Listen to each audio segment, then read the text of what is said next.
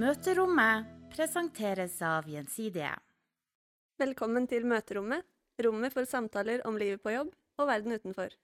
Mitt navn er Marie Brudevold. Og jeg heter Lina Marcelius. Dette er episode nummer 14, spilt inn 14. mai 2019. Bærekraft, eh, det er virkelig vinden om dagen, Marie. Kildesorterer du egentlig? Ja, det gjør jeg faktisk. Jeg kildesorterer eh, plastikk, papp og glass og metall, faktisk. Så bra. Hva med dette? Ja, jeg kildesorterer papp og papir, restavfall. Jeg har faktisk en kompostbinge bak huset. Eh, Glass og metall og plast. Herlighet. Det er jo en drøm for bærekraftrevolusjon. Det er det, men bærekraft handler jo også om mye mer enn bare å sortere plast og papir. Det gjør det, og vi har lyst til å forske litt på hva bærekraft eh, er i praksis. F.eks. i et selskap som det vi jobber i her i Gjensidige. Og til å snakke om det, har vi fått besøk av vår egen bærekraftdirektør. Ja, for vi har faktisk en helt egen en Gjensidige. Velkommen til møterommet, Bente Sverdrup. Tusen takk. Vi har noen faste spørsmål som vi starter med hver gang vi får inn en gjest. Og det første spørsmålet er hva er den første tanken som slo deg da du så deg selv i speilet i dag tidlig? Da tenkte jeg at du ser litt sliten ut, Bente, men det er greit å ha dempa belysning på badet. Så går det ganske greit. Greit å være ærlig. ja. Hvis du kunne ha valgt hvilken som helst jobb i hele verden, hva hadde du valgt? Da hadde jeg faktisk valgt den jobben jeg har i dag. Jeg føler jeg er veldig heldig. Jeg har fått eh, drømmejobben. Eh, og får lov å være med og påvirke, eh, sånn at Gjensidig skal vise hvordan vi kan bidra til en bedre verden hver dag gjennom hvordan vi møter kundene våre, eh, få engasjerte og motiverte ansatte, fordi vi gjør faktisk en forskjell. Det syns jeg er kjempespennende. Det skal vi straks litt tilbake til. Eh, siste spørsmål er hvis du kunne fått et møte med hvem som helst, død eller levende, hvem ville du helst ha møtt? Du, Det er veldig, veldig mange spennende mennesker der ute, men jeg må si akkurat der jeg er nå, så hadde det vært veldig kult å møte Al Gore. Når han kom på banen for mange år siden, så tenkte jeg åh, han gjør dette bare for han sikkert eh, har noen investeringer som gjør at det skal være lønnsomt å ha som bærekraftsperspektiv. Eh, men når jeg så han på scenen, så ble jeg rett og slett litt imponert for et engasjement, og hvordan han liksom klarte å skape den entusiasmen blant alle som sto og hørte på. Og da tenkte jeg wow! Så det hadde vært kult. Er det forbildet ditt? Jeg kan ikke si at han er forbildet. Egentlig forbildet mitt er nesten heller mormor og farmor. Ja. Faktisk, fordi de levde livene bærekraftig. Eh, De tok vare på de ressursene som vi har Jeg har jo vokst opp på gård, da. Eh, Og de eh, sylta og safta og tok vare på glassa til neste år, og nøktern Det var ikke veldig mye restavfall, for å si det sånn. Så egentlig så må jeg si at de kvinnene som har levd før oss, da, eh, og fikk utnytta ressursene eh, til det beste for familien, de har gjort veldig mye bra, da. Og da får jo vi fortsette den arven. Eh, 1. april gikk du inn i stillingen som bærekraftdirektør i Gjensidige. Kan du starte med å fortelle litt om veien din fram til den stolen du sitter i nå? Ja. Jeg kommer jo fra gård. Eh, vokste opp på ei lita øy ute i havgapet i Ytre Namdalen. Eh, og som sagt, er nok røttene mine veldig på det med å ta vare på naturen, eh, og kjenne gleden av å være en del av naturen. Og etter hvert som eh, jeg ble voksen og flytta til Oslo, og har levd et sånn tradisjonelt byliv det vi føles kanskje noen ganger som at vi er litt sånn Lever livene som et sånt hamster som bare springer fortere og fortere og fortere i disse hjula. Når ungene ble litt større, så begynte jeg å tenke hva er egentlig vitsen? Hva er det vi holder på med? Og så har jeg jo da hvert år vært hjemme på øya og liksom sett hva er det som skjer med naturen, med plast i havet og alt det der. Så for noen år siden, faktisk før den hvalen ble liksom rikskjendis, da, for at den har så mye plast i magen, så tenkte jeg hva er det som hvordan er det vi sløser med ressurser, og hvordan skal verden se ut for våre barn? Og så kom jo disse FN sin bærekraftsmål, som var konkretisert mye mer rundt hvordan vi skal ta vare på verden, ikke ikke forbruke så mye i dag at det ikke er noen ting igjen til våre barn. Og det treffer meg egentlig litt i hjertet, fordi jeg føler at det er et eller annet som har gått litt galt, da, i måten vi lever livene på. Vi er ensomme, psykisk helse er en utfordring blant unge, hva slags liv er det vi skal leve? Og sånn Ja, så det er egentlig utgangspunktet. Og så for et års tid siden så eh, var jeg i HR og bare tenkte og så også en rapport, rapport fra Deloitte eh, som sa at framover så skal du tiltrekke og beholde kompetanse, så må du også forstå at de som vokser opp i dag, har et større samfunnsengasjement og mye mer opptatt av klima og miljø enn kanskje de eldre generasjonene har vært. Og så begynte egentlig ballen å rulle litt internt her i Gjensidige.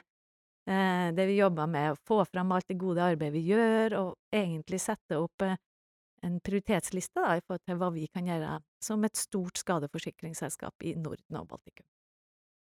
Ja. Eh, hva er det en bærekraftdirektør egentlig gjør? Hva går dagene ja. dine ut på? Vet du hva, akkurat nå så gjør jeg egentlig veldig mye forskjellig. Um, og det er jo sånn at i og med at stillinga er såpass ny, så skal han jo sette den i en kontekst og finne ut av hva er det egentlig vi skal bruke tida på. Uh, men vi har jobba med å få opp en bærekraftstrategi. Uh, og så skal vi nå lære opp alle våre ansatte til å forstå hva er egentlig bærekraft i gjensidige, for det er jo et ord som blir brukt i så mange sammenhenger etter hvert, at hva betyr det for oss? Eh, så det må vi konkretisere. Eh, og så jobba jo vi egentlig veldig bredt i hele organisasjonen på hvordan skal produktene våre se ut framover, hvordan skal vi jobbe med skadeoppgjør, og hvordan skal vi plassere alle de pengene vi har, da, for vi har veldig mye penger på bok. Ja. Den tittelen din, bærekraftdirektør, det ligger kanskje litt ansvar i den også, at du sjøl lever på en måte som er i tråd med prinsippene bak eh, bærekraft. Hva tenker du om det? Er du mye ute og flyr og reiser på fritida ja. og jobben? Vet du hva, jeg må si at uh, jeg har blitt mer bevisst akkurat det med å fly mindre.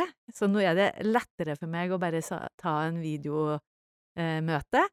Uh, uh, og så kjenner jeg jo at jeg har veldig dårlig samvittighet, for vi kjører jo dieselbil fortsatt. Uh, og så er det kanskje sånn det er, men så lenge at vi stappa bilen full med folk, så har jeg sjekka på NSB, for de har sånn fin sånn eh, CO2-utslippsmåler. Og da, hvis at du er type fire mennesker i den bilen, og vi er en familie på fem, så er det egentlig like greit som å kjøre tog. Så det handler litt om å forstå hva er alternativet òg, da. Og det er Ja. Men vi er på en reise, tenker jeg, så vi får uh, vurdere når vi kjøper bil neste gang. Det er godt å høre for andre som også hører på den episoden her i dag. tenker at du kan gjøre litt. Du trenger ikke å på en måte mm. omstille deg helt over natta. Og sjøl skal jeg ut og fly i sommer, da. Men jeg toger jo hver eneste dag. Da fikk mm. jeg sagt det. Ja. og apropos bærekraft. Mm. Det er jo et stort og fluffy ord for mange. Mm. Og det rommer jo ikke bare det som åpenbart vi nå har snakka om, det med miljø og bevisstgjøring knytta til kildesortering osv. Men kan du si litt mer om hva handler det egentlig om, spesielt for Gjensidige sin del? Du var jo inne på at dere nå jobber med å mm. konkretisere det i større grad, men om du har noen sånne små Små ting. ting.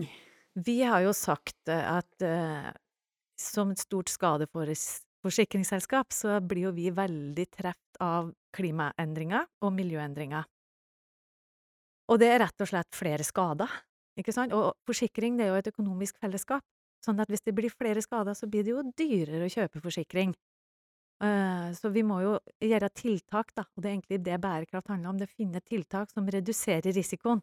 Uh, og da har vi sagt at det viktigste vi skal jobbe med, det er å finne ut av hvordan vi skal gjøre opp skadene mer bærekraftig. Og da blir det mer fokus på kan skaden repareres med mer sagt menneskehender? Eh, kan vi ha gjenbruk av deler, eh, eller må vi ha noe nytt? Og når vi er i den situasjonen at vi må ha noe nytt, så skal vi også tenke hva er da bra for miljøet? Det, det skal prege de valgene vi gjør framover innenfor skadeoppgjør. Eh, og så har vi også en stor pott med penger som skal investeres. Og da er vi også nødt til å tenke på hvor er det vi plasserer pengene. For der har vi også stor påvirkningskraft. Så totalt sett så har vi jo sagt at gjensidig kan gjøre en kjempestor forskjell i forhold til å utfordre leverandørene våre når vi gjør skadeoppgjør, og på investeringssida. Og så driver vi også med pensjon, altså pensjonssparing. Hva tenker du at bærekraft har å si på det feltet? Også sånn umiddelbart så kan en jo tenke at hvis du sparer en, eh, tusenlapp i måneden, så er alternativet hadde jo vært at du kanskje hadde brukt det på å kjøpe ting. Så det er jo egentlig utsatt forbruk. Så pensjonssparing er jo egentlig veldig bærekraftig.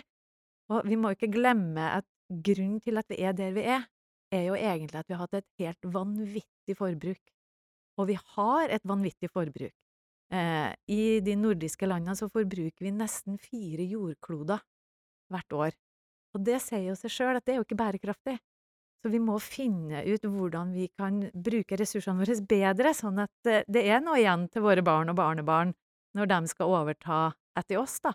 Eh, og det er også det som har gitt behovet for transport.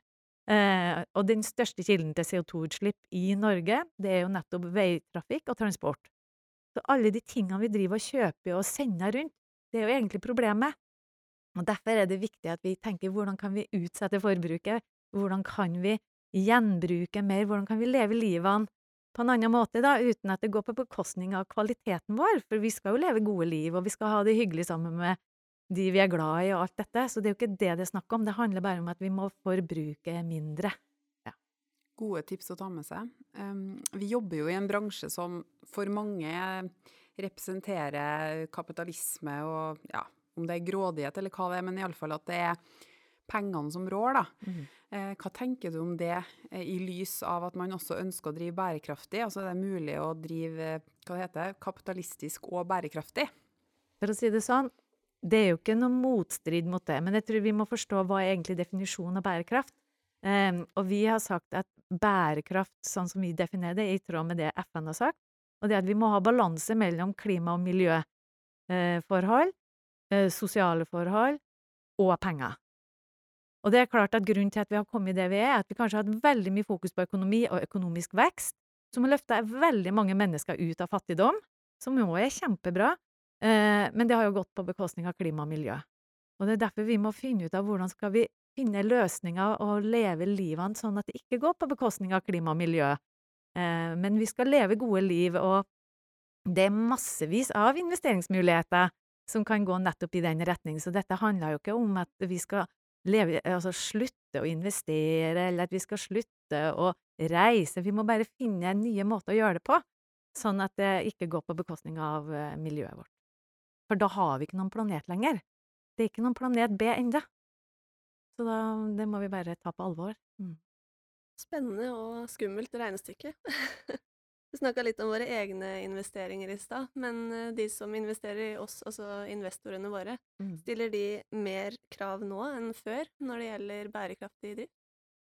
Jeg vil si at, uh, i hvert fall den tilbakemeldingen jeg har fått, at det blir bare større og større aktualitet, og vi må bevise overfor våre investorer at måten vi driver virksomheten på, er bærekraftig.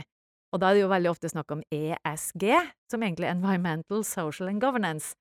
Og det handler jo rett og slett om at vi må overbevise omverdenen på at måten vi driver vår virksomhet, ikke går på bekostning av de tre kulene som jeg eh, har snakka om. ikke sant? Vi må sørge for å fortelle den historien på en så overbevisende måte, og det er jo egentlig ikke så rart, for hvis vi ikke gjør det, som investor så skal du jo ha avkastning på pengene dine, eh, og hvis du ikke er med på den reisa som eh, starta nå, eller har starta, så tror ikke investorene at vi vil være i en posisjon der vi vil tjene penger i framtida. Så det er klart at bærekraft og alt, alle de initiativene som skjer nå, gjør jo nå med veldig mange ledere rundt omkring at en tenker ok, her må vi henge med, fordi hvis ikke så er det ingen som er interessert i aksjene våre hvis vi er på børs, eh, eller folk vil ikke jobbe her, og da klarer du ikke å skape verdi, og da er du jo egentlig død som selskap. Så dette kommer til å presse seg fram, og det gir masse nye muligheter. Dette er jo, det kommer til å bli et hav av nye forretningsmodeller som popper opp, nettopp som kommer til å ivareta en bedre balanse da, mellom økonomi, sosiale forhold og klima miljø. Vi har jo vært litt inne på det, at det er jo små det er større tiltak eh, man kan gjøre for å eh, være altså oppføre seg i tråd med bærekraftige prinsipper. Og så tenker jeg dem som jobber her, da, Gjensidige, uh, og kundene våre, hva tror du skal til for at alle får et mer sånn bærekraftig tankesett? Det ene er jo liksom at man kildesorterer mat i kantina og er bevisst på det med bruk av engangsbestikk og plast, men det koster jo litt også. Mm. Hva tror du vi som selskap eh, kan bidra positivt med der? For den enkelte person, da, for til slutt så handler jo dette om de valgene hver og en av oss gjør. Og jeg tror ikke det vond vilje rundt omkring, men folk er litt forvirra der ute. Hva er det som egentlig er bra for miljøet? Eh, Jeg skal ikke dra opp diskusjonen dieselbil versus elbil, men det er klart at det er veldig mange ting der ute, og du blir litt overvelda når du går inn i det, fordi det er veldig sammensatt. Det er ikke sånn enkle svar, det er ikke noen enkle løsninger her, og det er kanskje derfor dette blir så krevende også. Eh, men jeg tror hver og en må tenke at en kan gjøre en forskjell. Og det går på mange egentlig sånn små, banale ting. For eksempel så kan du jo tenke på når du kjører i bil. Hvis du også tenker på hele motorsegmentet som vi snakker om her, så er også det med å kjøre bil det CO2-utslipp, som egentlig da i Norge i hvert fall den største kilden til CO2-utslipp. Ikke sant? Det er veitrafikk og transport. Største kilden. Og så har vi det med mikroplast som skremmer vettet av veldig mange. I hvert fall er jeg en av de som på en måte når Jeg så nettopp en artikkel nå der du ser mikro, mikroplast inni tarmen på blåskjell. Så får jeg liksom litt sånn Oi, skal, nå er det snart sommer, og vi skal ut og kose oss med skalldyr og greier. Og hva er det vi egentlig spiser? Og faktisk, den største kilden til mikroplast er slitte bildekk. Ikke sant? Så hvis du tenker at du skal kjøre ned til hytta di på Sørlandet, kjør litt mer miljøvennlig. Ikke ligg i 140 i, i 110-sonen, men liksom ro det litt ned. Så blir det mindre slitasje på dekket. Det er jo egentlig bra for deg, for da slipper du å bytte dekket så hyppig. Og så sparer du jo miljøet for veldig mengder med, med mikroplast. Og så er det kanskje også litt billigere å kjøre bilen. Sånn at det er også økonomisk smart i forhold til det. Og så er det bra for miljøet. Så det er bra for alle perspektiv, ikke sant? Og det er egentlig bare forstå litt disse sammenhengene. Og der har vi en jobb å gjøre nå, med å fortelle våre ansatte og våre kunder hva er det som påvirker hva, sånn at du kan sørge for at folk er litt mer opplyst, da. I en overveldende verden, der du til slutt tenker at ja, det er ikke noen forskjell om jeg gjør det eller det, betyr ingenting. Vi er liksom bare fem millioner i Norge, hva er forskjellen? Men faktisk så representerer vårt forbruk det samme som at vi er 25 millioner. Ikke sant? Fordi vi har jo en vanvittig CO2-utslipp i Norge. Vi har nesten ti tonn per innbygger. I India klarer de seg med en og en halv. Ikke sant? Så det er liksom, vi er, kanskje vi er få mennesker, men vi forbruker noe helt vanvittig. Og vi forårsaker store CO2-utslipp. Vi må måte tenke gjennom hvordan vi lever livene, da. Og så kommer vi vel ikke unna klima. Spesielt gjensidige så har vi vært veldig opptatt av været. Mm. Eh, kanskje også i lys av fjoråret som ikke var så veldig bra for oss. Mye pga. dårlig vær og flom og oversvømmelser osv. Hva tenker du om koblinga klima og bærekraft? Det er vel åpenbare sammenhenger der? Der tenker jeg det er veldig åpenbare sammenhenger, og i hvert fall for et skadeforsikringsselskap, da. Så det er i utgangspunktet økte Altså, jeg tror Helge har sagt det på noen kvartalspresentasjoner også, at han føler seg mer som en værmann enn som en eh, konsernsjef. Eh, og det er klart at vi treffes jo av alle disse økte værhendelsene. Eh, og det blir jo dyrt for kundene våre òg, for det er jo til slutt kunden som må betale skaden. For det er jo egentlig hele sammensetninga av hva forsikring er. Det er et økonomisk fellesskap der vi ikke vet hvem som er uheldig og blir råka og har behov for å få gjenoppbygd huset sitt eh, etter en flom, eller hva det nå er for noe som har skjedd, da. Så jeg tenker at klima- og miljøutfordringer treffer jo et skadeforsikringsselskap veldig, og det er derfor det er så viktig at vi engasjerer oss også i det å bidra til å redusere CO2-utslipp, fordi vi ønsker jo å få kontroll på CO2-utslippene, og at vi skal klare togradersmålet. For hvis ikke, så kommer det til å bli en kjemperegning som vi må betale.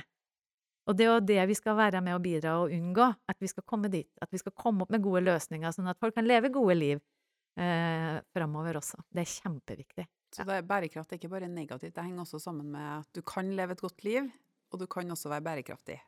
Jeg tror det er helt avgjørende at du klarer å gjøre det, hvis ikke vil vi alle lykkes. Og så er det jo sånn at investeringene vi gjør, Mm. de, handler jo også mye om hva vi velger å investere i og ikke i et bærekraftperspektiv. Hva tenker du om det? Du kan kanskje ikke gå i sånn detaljer på det, men sånn på generell basis, ja. da? Jeg kan si at det er vært veldig høy fokus på det i vår investeringsavdeling, hvor vi ser på hvordan vi skal screene, som det heter, de investeringene vi gjør, da. Se på hva slags virksomheter er dette. Er det Det har vi også sånn ESG-vurdering. Og så må vi jo se om dette er eh, selskap vi ønsker å plassere pengene våre, fordi vi tror vi skal også få en avkastning, men også for at det skal understøtte målet vårt. Vi er innenfor Global Compact og alle disse kravene som stiller krav til hvordan selskap drives. Da. Så vi kan jo Vi har formidabel påvirkningsmulighet, tenker jeg, også på investeringssida. Mm. Og helt til slutt, nå får man jo gjerne inntrykk av at verden brenner når man følger med i media, og det er skolestreiker, og vi har dårlig tid. Eh, har du noen tanker om det? Hvordan Gjensidige skal Er vi i rute, eller hva? Ja, det Vet du hva? Jeg tror vi må tenke på alle de mulighetene som ligger foran oss, eh, og det kommer til å skje utrolig mye framover som gjør at jeg er i hvert fall veldig optimist. Men det handler jo om at hver og en av oss må forstå hva dette handler om, og gjøre de gode valgene da, når du står i butikken, når du skal reise, at vi forstår konsekvensen av det vi gjør. Så jeg er helt sikker på at til slutt så er det jo forbrukerne som har den viktigste stemmen. Så bruk egentlig den makta til å påvirke at vi får til det grønne skiftet, eh, gjøre kloke valg i hjemmet, eh, bytte ut oljefyr, få en varmepumpe, tenk annerledes når du skal varme opp huset, Eh, kjøpe klær, unngå alt som er polyester og sånne ting. Vi har mulighetene til å gjøre de valgene, så jeg er optimist, og jeg er sikker på at det kommer til å skje masse framover. Og du skal bytte fra dieselbil til noe mer miljøvennlig, har du sagt da? ja, det må jeg. Tusen hjertelig takk for at du var gjest eh, hos oss i møterommet, Bente. Ja, takk for at vi kom med. Mm.